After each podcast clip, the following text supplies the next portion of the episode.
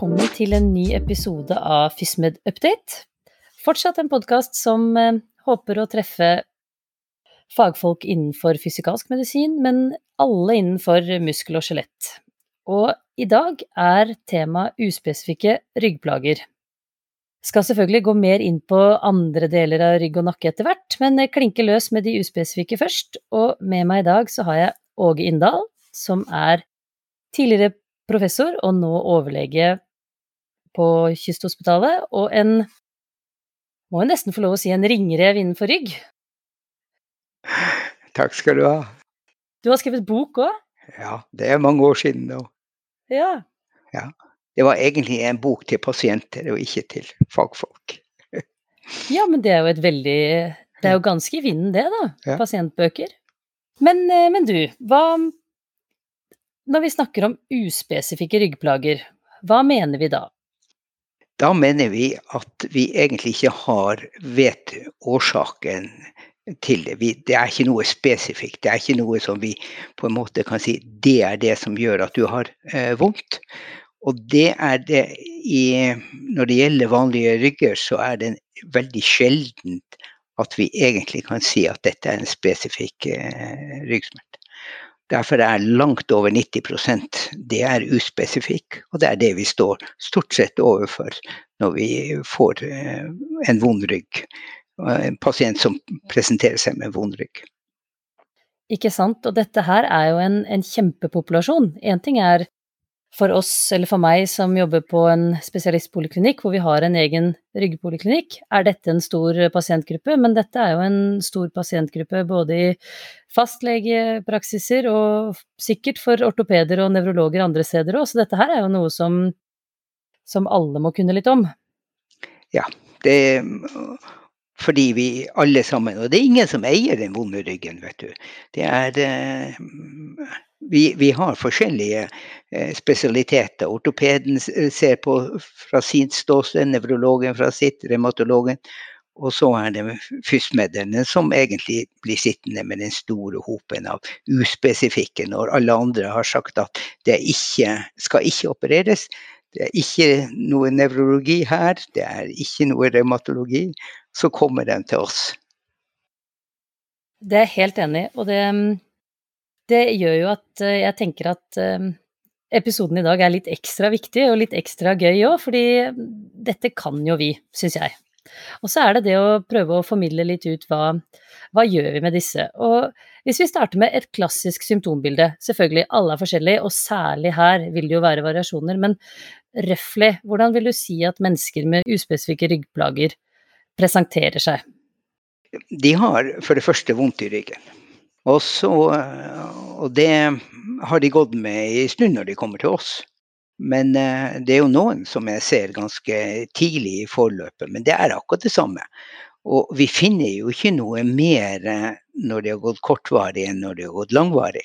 Det hele har bare balla på seg litt mer, som vi ser med jobb og familie og hva det ikke er. Det er jo to ting som, eh, som er kardinalsymptomene. Det er smerte og nedsatt funksjon. Ja, helt enig. Og smertene oftest da i korsrygg, og så kan det jo godt være litt utstråling, ikke sant? Ja da, det, det stråler eh, ned ut i hoftene, ned i rumpa, ut i lår, av og til eh, helt ned i, i, i beina. Helt enig. Så både langvarig og eh, ganske konstant. Ofte bevegelsesavhengig, men det kan like gjerne være hvile. Og man skal ikke bli redd av den utstrålingen, for den er vanlig. Nei. Det, og det, dette er jo eh, ofte folk som har hatt dette tidligere. De aller fleste har jo hatt disse tidligere. Slik at det er jo Da er det greit å spørre er dette forskjellig fra det du har hatt før, f.eks.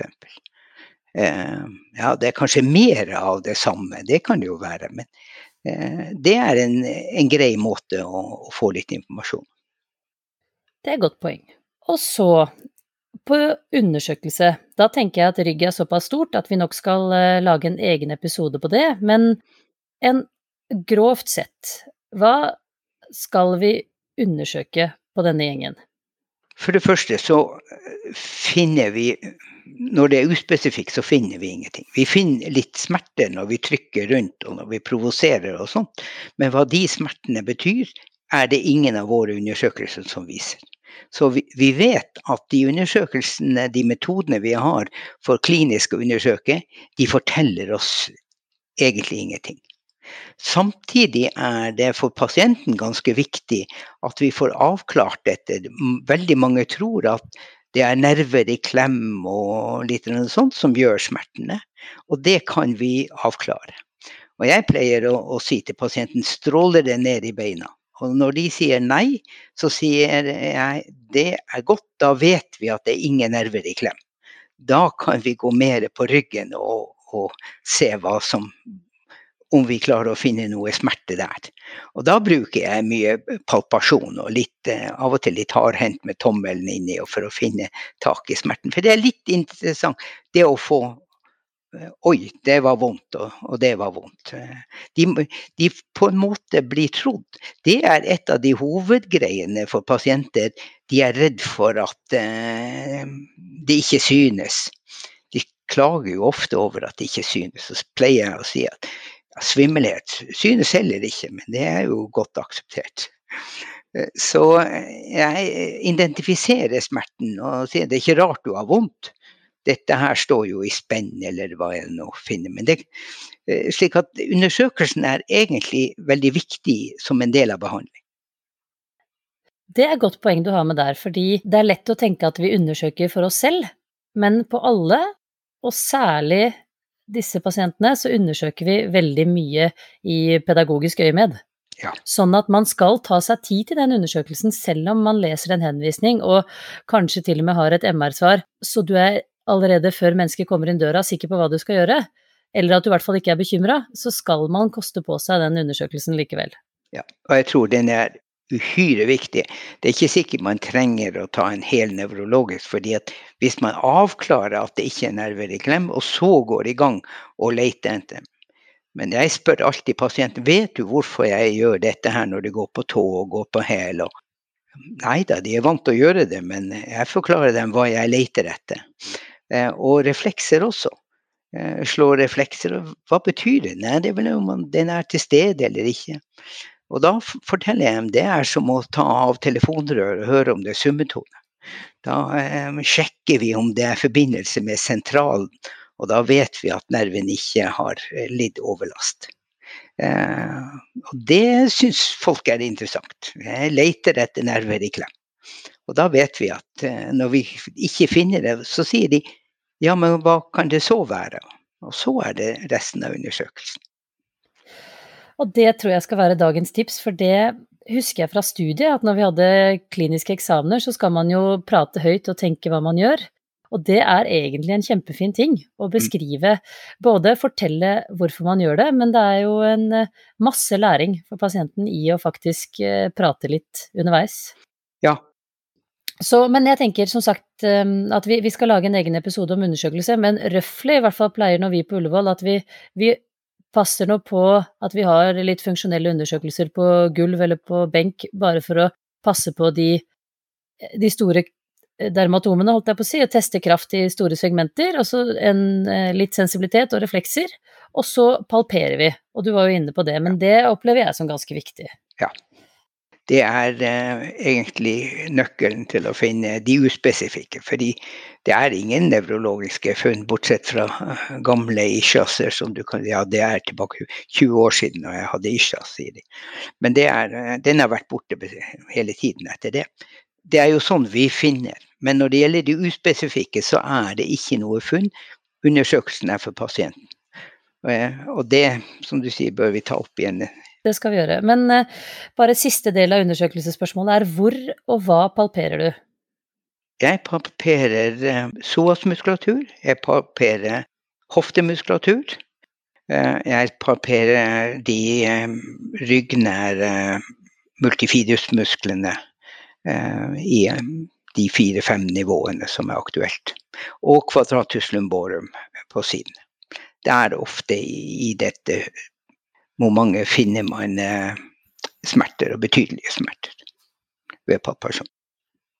helt enig. Og også da prøver jeg, hvis jeg husker det, å også spørre om er det disse smertene du har? Mm. Er det dette som plager deg? For det er jo veldig fint hvis man kan klare å få reprodusert det. Ja. Så bra. Ok, men da er vi enige om eh, at vi har utelukket eh, grov nevrologi, og vi har ikke noe mistanke om noe annen underliggende sykdom, og da står vi igjen med denne store gruppen av uspesifikke ryggsmerter.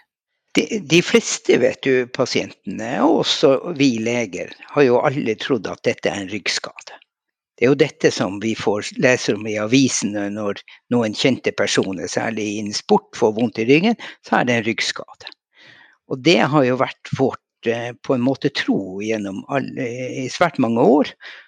Og så klarer vi ikke å verifisere at det er noen ryggskade. Eh, og vi har hatt dette med å løfte riktig og sitte riktig og alt dette her, som vi vet nå forskningsmessig er, er feil og, og, gir egentlig bare mer ryggsmerter.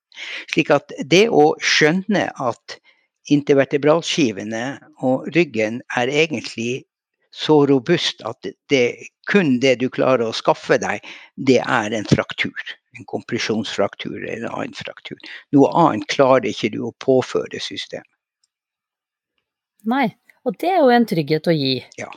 Og det tror jeg at vi fokuserer litt for lite på. Bli skikkelig trygg på dette og si nei, du kan gjøre hva du vil. Og det er jo også det samme med, selv med spesifikke som, som en radiokopulati. Det ser ikke ut til at vi, vi uh, gjør noe det, det, å forstørre prolapset er ikke uh, noe vi egentlig klarer å gjøre. Nei. Og det, det, tror jeg er veldig viktig, for det florerer jo av eh, alle ting man ikke skal gjøre. Ja. Så, en, så, da har vi tatt en god undersøkelse med forhåpentligvis litt eh, pedagogiske innspill, og så er vi over på hva du gjør. Og da mm. forklarer du dem at dette ikke er farlig, og dette ikke er noe patologi, eller? Nei, eh, ja, det, det kan du si. Eh, mitt mål er at pasienten skal si da er det ikke farlig. Oi, ja, men da er det jo ikke farlig. Eh, det er ikke noe jeg direkte sier til de at det ikke er farlig. For de må forstå at det ikke er farlig. Og derfor forklarer jeg hva, det, hva jeg finner når jeg undersøker. Og så forklarer jeg, deg, forklarer jeg om at skivene er fryktelig sterke og at nerver i klem stort sett ikke gjør vondt. Det er bare hvis du får en smell på det som en sånn uh, enkemannsstøt at nerver kan gjøre vondt, men det er veldig kortvarig. Det er ikke sånn som brygg. Og det er heller ingen skade. Uh, fordi at uh, du kan vrikke ankelen, og det tar ikke så lang tid å bli bra i ankelen som det, som det er å, å få et ordentlig kink i ryggen. Slik at det er ikke noe skade, det er en forstyrrelse. Og, er, og ut av det jeg har funnet med, funnet med å, å, eh, trykke på her og, og, si at her står det noen muskler og knyter seg, og det er ikke rart at du har vondt, for disse her har knyttet knytt seg og står, i, står og, og, spenner seg. Og, og dette her er en betydelig forstyrrelse. Ikke sant. Så god forklaring og god trygging. Ja. Og så er det vår forståelse av muskulatur som egentlig er litt av problemet med dette med kjernemuskulatur. Fordi nesten alle Nå eh, underviste jeg i Tromsø og spurte hvor mange som trener kjernemuskulatur. Det er 70% av studentene. Um, og vi har nå tre Cochrane-reviewer som sier at det er bortkasta å trene kjernemuskulatur. Um, og så kan man jo lure på hvorfor er det slik at vi ikke eh, har noen gode ryggøvelser. Og svaret er egentlig ganske enkelt. Vi får ingen tilbakemelding fra ryggen om det er en god øvelse eller om det er en dårlig øvelse, fordi det er borte. Egentlig tilbakemelding, Sensorisk tilbakemelding når ikke vår bevissthet når det gjelder aktivitet i ryggmuskulaturen. Det er bare når vi får vondt at vi, at vi får tilbakemelding. Men hva, hva som er godt og hva som er eh, dumt det, av, av, tiltak, det får vi jo ikke. Nei, det er sant. For nå er det jo litt over på behandling, ikke sant. For da har du trygget godt og lagt den, forhåpentligvis, prøvd å legge både bekymring død, og jeg opplever at det er også, i hvert fall hos oss, da, det er sikkert litt eh, varierende fra hvor man jobber, men hos oss er det også viktig å legge kirurgien død, for mange er jo henvist til en nevrokirurg, og så havner de på fysikalsk medisinsk poliklinikk. Ja. Sånn at man, man, trygger og forklarer, og så er vi over i behandlingen. Og da, som du sier, at vi, vi har ikke spesifikke direkte øvelser som fikser dette her. Nei. Men hva, hva, hvordan vil du anbefale disse menneskene å gå fram? Jeg tror at det viktige er jo vårt syn på muskulatur, fordi at det, det har vært den store hemskoen. Det var der vi gikk feil, nemlig hvor vi begynte å se på dette med stabilitet, instabilitet. Og tenkte oss muskulatur inn i denne funksjonen som stabiliserende eh, faktorer. Og der har vi jo ingen eh, holdepunkter, for muskulatur beveger jo ting. De stabiliserer jo ikke, men de stabiliserer på en måte under bevegelsen. Men det kan vi snakke om når det gjelder skuldre. Men når det gjelder rygg, så har vi en helt annen eh, funksjon, nemlig det at du skal overføre og fordele vekt gjennom eh, ryggsøyla og ned i føtter. Eh, ene benet og det andre benet, særlig når, når vi beveger oss. Og det gjør at det må være et helt annet samspill mellom eh, rygg og setemuskulatur. Og Det er jo derfor vi finner så mye vondter også i, i setemuskulatur av de som har vondt, fordi at systemet er forstyrra. Og jeg tror jo at vår tro på dette her med vår Eh, dette med sterke ryggmuskler og sterke magemuskler eh, har vært med og ødelagt eh, kolossalt for vanlige folk. Vanlige folk snakker om altså de har trent kjernemuskulatur, og de, de fleste sier jo at de blir verre av det. Og det gjør de jo. Så det viktigste er generell aktivitet? Det, det viktigste er at de tør å bevege seg. Ikke sant? Og, og, gi egentlig blaffen i alt som uh, med å fokus på rygg. Skjønne at dette Jeg bruker lang tid å fortelle at dette er eh, egentlig et helautomatisk system som uh, hvis vi prøver å ta kontroll på det, er med å lage forstyrrelse. Dette ordner seg sjøl. Bare ha litt is i magen, hold deg i, i bevegelse, hold deg i aktivitet, så går det bra. Ikke sant. Jeg snakket jo med Alexandra Hott om eh, patellofemoral smerte forrige uke. Det kan være litt sånn selvreklamering. Men hun har gjort en kjempefin studie på patellofemoral smerte og finner at aktivitet er viktig, men det er egentlig ikke så viktig akkurat hvilken øvelse det er. Det er viktigst at man gjør noe. Ja. Og det, sånne studier håper jeg vi kan få på mange ledd, for jeg tror at det er akkurat det med aktivisering komme i gang, og ikke minst gjøre noe man syns er gøy og hyggelig. Hvis man ikke syns at det er gøy å ligge på en matte og trene core, så er nok ikke det veien til en bedre rygg. Nei. Og når folk blir usikre, så begynner de å koaktivere. Ja. De holder igjen, og det gjør de på knær, det gjør de i rygg. De spenner opp en del muskulatur. Det vi begynner å se litt sånt, eh, er jo at de bruker en del av ryggmuskulaturen til å beskytte seg mot smerter. De kobler han inn i tilfelle til også. Er, jeg sier til pasientene ofte at du går som om du går på glatt føre. Og det bekrefter pasienten. Ja, jeg er litt forsiktig. Og da sier jeg det er som å kjøre bil med én fot på gassen og så en litt på bremsa. I tilfelle det skulle være, gå galt, at du kan være rask på det. Så holder du foten litt på bremsa. Og det gjør at det blir eh, egentlig gærent i systemet. Og det er et veldig godt bilde, og jeg har lært litt av eh, noen av de flinke fysioterapeutene hos oss, det å bare vise det ved vise avverge f.eks. med en helt vanlig ryggfleksjon, sittende eller stående. At når du spenner alt annet og ikke klarer å, å flektere omtrent noe, så er det jo fordi alt annet jobber mot, og ikke ryggen jobber for. Mm. Sånn at um, det å prøve å roe ned all den, all den avvergen og alt det som jobber mot, er jo en god start, kanskje. Ja, og eh, da må de føle trygghet på at det er ikke noe farlig. Og så, det farligste som skjer hvis du skulle være uforsiktig, det er jo at eh, en muskel går i krampe. Men jo mer forsiktig du er, jo mer sur blir jo muskulaturen der, slik at lettere går det jo i kramp. Men det er det absolutt farligste som kan skje. Det er fryktelig vondt, men det er egentlig ikke farlig. Nei, så ler de sånn. Jeg tror det er viktig å gi dem en forståelse at de ikke klarer å gjøre noe galt. Og jeg har jo vært sånn at eh, det farligste du gjør, det er å være forsiktig.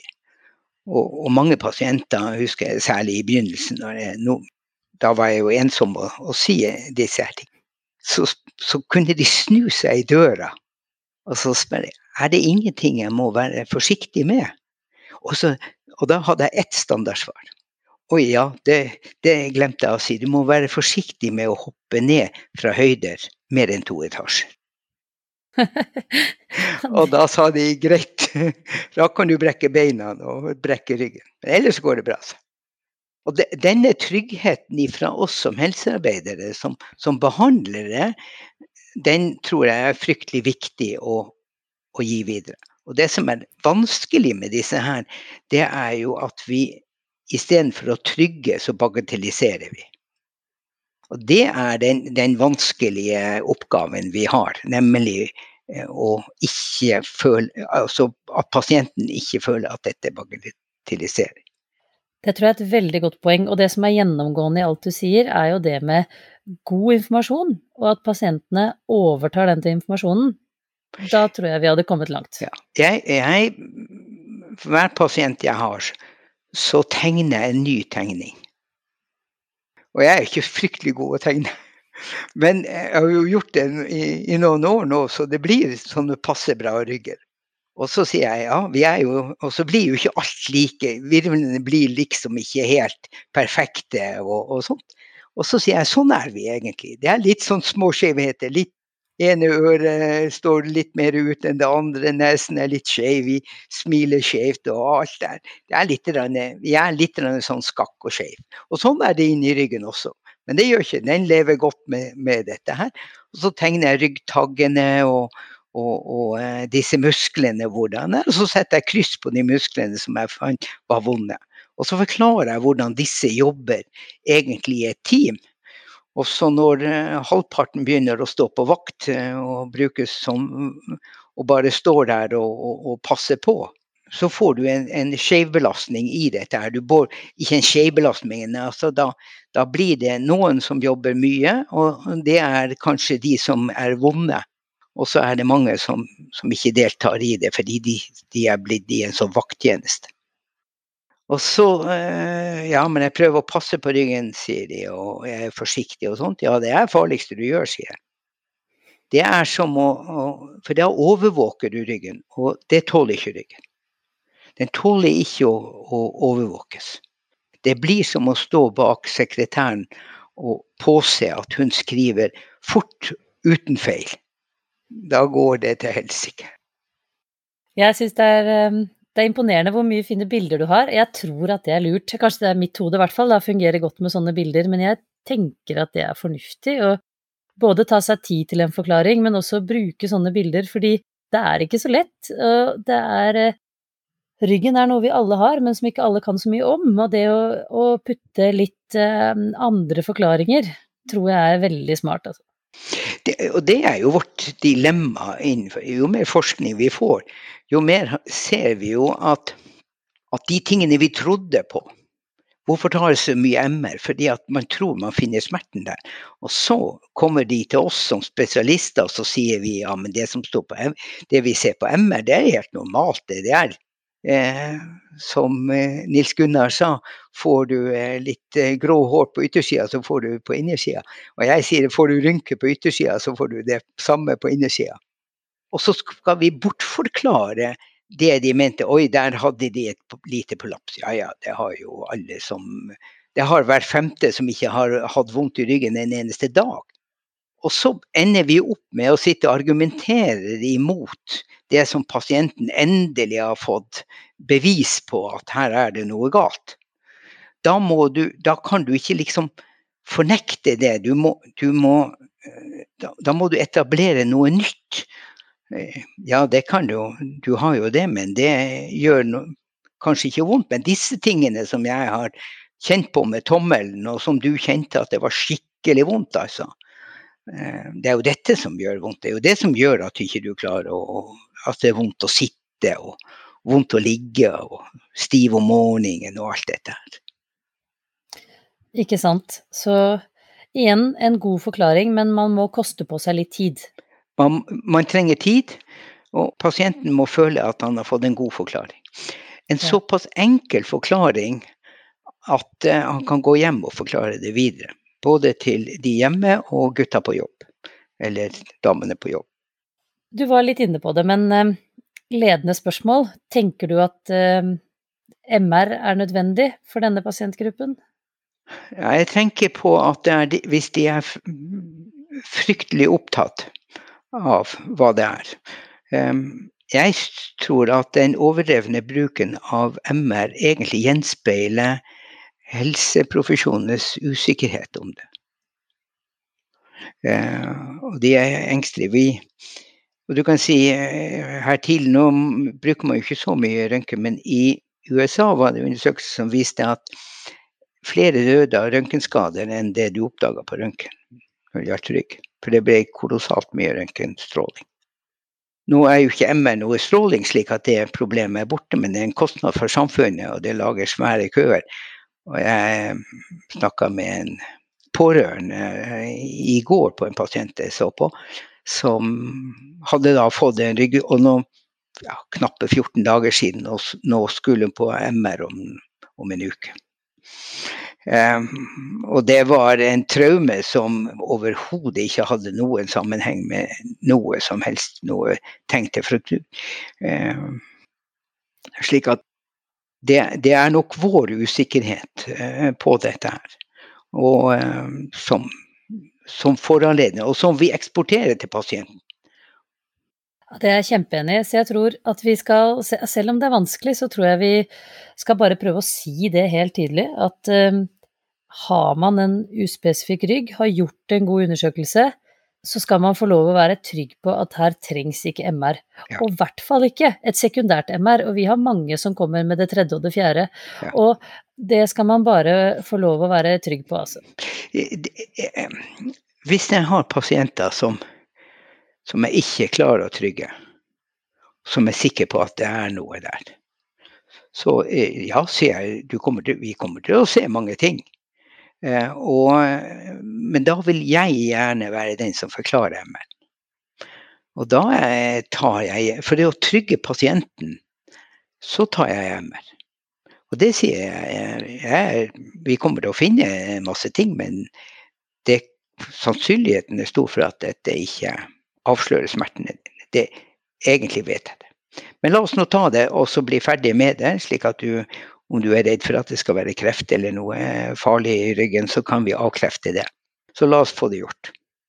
Eh, og da er jeg rask å, å få kjøre hjem. Det er ingen vits å la folk gå og vente i utrygghet på det. Det er bare å få det tatt og bli ferdig med det. Smart. Eh, analgetika. Det er jo ikke sånn at det kurerer problemet, men eh, bruker du noe NSIDES eller lignende med tanke på særlig bevegelse, da? det um, altså um, N-side har en bitte liten effekt. Uh, og effekten er så liten at uh, bivirkningen sannsynligvis uh, taler imot at vi skulle bruke det noe særlig.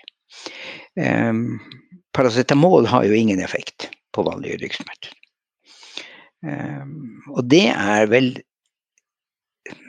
stor sannsynlighet at de sånne uspesifikke ryggsmerter egentlig ikke er nocisseptive smerter. Eh, Det er ikke noe som på en måte mm, er galt der som, som eh, paracetamol kan virke på. Jeg er helt enig i, i det, men jeg, akkurat den der bare syns jeg er litt vanskelig, for jeg opplever at en del har en, en ordentlig terskel med å prøve å komme seg i gang, og en liten kur, om det til og med bare er et gram Paracet ganger tre en liten uke eller to, kan hjelpe litt, da. Og det, er- å bruke paracetamol i den størrelsen du eh, sier, er jo helt greit som placebo. Eh, men vi, vi, skal egentlig vite at det er det vi gjør. Fordi det er ikke påvist noen annen effekt enn en placeboeffekt. Men så har du jo det ifra, ifra eh, Portugal, det studiet, hvor hun ga placebo og sa til folk at det var placebo. Hun har skrevet en artikkel som eh, ble publisert i Pain, og hvor de fikk opptil 30 smertereduksjon. Og hvor de spurte henne etterpå Hun spurte dem hvorfor, når du visste at dette var, hva var det som gjorde at du tok det allikevel? Så sa det det var så godt å vite at det ikke hadde noen farlige bivirkninger. Og så var det noe jeg kunne gjøre mot smertene mine. Og det var flere som spurte etterpå kan ikke vi få kjøpe som placebo, sånn narremedisin. det sier noe om vår, vår tankegang og innstilling på det hele. Det er helt sant, og det placebo er jo fantastisk fascinerende, hele, hele, hele begrepet. Ja. Men med andre ord, altså jeg, jeg, er jo selvfølgelig helt enig i teorien, og jeg eh, er enig i at vi skal vite hva vi gjør, men står man der med en ordentlig sammensatt sak, så kan man få lov til å prøve å smertelindre litt, være seg bare for å prøve å komme i gang. Og, og da syns jeg det er greit å bruke Paracet og, og Ibux e eller noe sånt. Um, og så er det at vi må ikke gå til sterkere. Det har jo vist seg å være en farlig utvei. Absolutt, både hvis vi snakker om liksom, morfintrappegangen, men også ja. det som vi, som vi etter hvert vet, at nevrontin har ikke noe plass i dette her. Nei. Nei. Og det er, det er uh, utrolig viktig. Helt enig. Ja. Og jeg får jo pasienter som har større bivirkninger enn de har virkninger på nevrontin og allikevel kjøres det på. Og det er jo mange studier som viser at det har ikke noen plass. Men det, det er en utbredt eh, bruk allikevel. Ikke sant. Helt til slutt, som fastlege, hva, hva gjør fastlegen med den kroniske ryggen? Henvise, ikke henvise? Ja, ofte, jeg har jo tro på Fastlegen er jo, er jo nøkkelpersonen i dette her. Og så er det jo Og når man, det begynner å, å, se og trekke ut, så mener jeg at eh, spesialisthelsetjenesten må gi en, en hjelpende hånd. Og i det, disse tilfellene er vi mer en hjelper til fastlegen enn på en måte en som skal komme med de lure tingene. Men vårt ord veier kanskje Eh, litt tyngre i enkelte sammenhenger. Og da mm, tror jeg først og fremst vi skal eh, gi fastlegen litt ryggdekning om at eh, å stå på og komme i aktivitet. Og gi trygghet til pasienten. Ikke det at de er redd, men, men det å få en Det er som en, en ulyd i, i, bilen, altså. Det er først når du finner ut at du tør å kjøre ordentlig med den. Eller så er du forsiktig. Og det er egentlig det vårt å avklare at det ikke er noe ordentlig farlig, og henlede oppmerksomheten på de ufarlige, smertefulle tingene. Og jeg sier til pasienten at ryggsmertene dine er reelle, de sitter ikke bare i hodet, men det er mer et alarmsignal om at her er det en forstyrrelse, enn at det er noe alvorlig feil i dette her. Det er disse musklene dine bak i ryggen som ikke spiller på lag. Og det syns jeg var et godt svar, fordi det var toegget. Det var at en, eh, en, fastlege eller en annen skal med trygghet kunne behandle disse, men vi kan jo også være veldig støttende på at det kan være ordentlig komplekst, og både langvarig og sammensatt, og da kan en, eh, en time hos, eh, hos oss som har litt mer tid, og som noen ganger bare kan være fint å komme med en, en liten second opinion, være en god hjelp. Ja, absolutt. Så bra. Jeg syns jo dette er så spennende at uh, vi kunne jo snakket i, i timevis, men hvis jeg skal prøve å oppsummere, så er uspesifikke ryggsmerter en kjempestor pasientgruppe, og det er noe vi alle skal, skal kunne noe om. Og den helt tydelige patofysiologien har vi ikke, men vi vet at dette er vanlig, og at får vi, eller når vi møter disse pasientene, så gjør vi en god undersøkelse. Litt for å utelukke alvorlig nevrologi, mest for å trygge pasienten om en god undersøkelse og prøve å dra inn pedagogikken i det. Så er behandlingen egentlig en god forklaring, forsøke å, å belyse dette om at det er muskulatur og ubalanse, og at det er verken farlig Eh, det beste hjelpemiddelet er tid, og at den beste behandlingen er rett og slett å prøve å leve som normalt og prøve å komme seg i gang. Så er det mye lettere sagt enn gjort, og det er ofte stor individuell variasjon, og det er varianter man skal komme seg frem til dette, men man trenger egentlig ikke MR, og Egentlig så har vi ikke noe kurativ farmakologi heller, men om man skulle ønske, så kan da litt grann analgetika av og til være til hjelp. Ja, det syns jeg var en uh, god oppsummering. Det å gi folk uh, trygghet til å kunne være og gjøre det beste ut av det. Det er ikke noen ting du trenger å prestere, men, men hold deg i bevegelse og gjør det beste ut av det. Og ingen begrensninger. Ingen begrensninger. Du kan ikke gjøre noe gærent. Bortsett fra å hoppe fra andre etasje. Ja. ja. Å, nei, men da sier vi tusen takk, dette var strålende. Mm. Ha det bra. Ha det.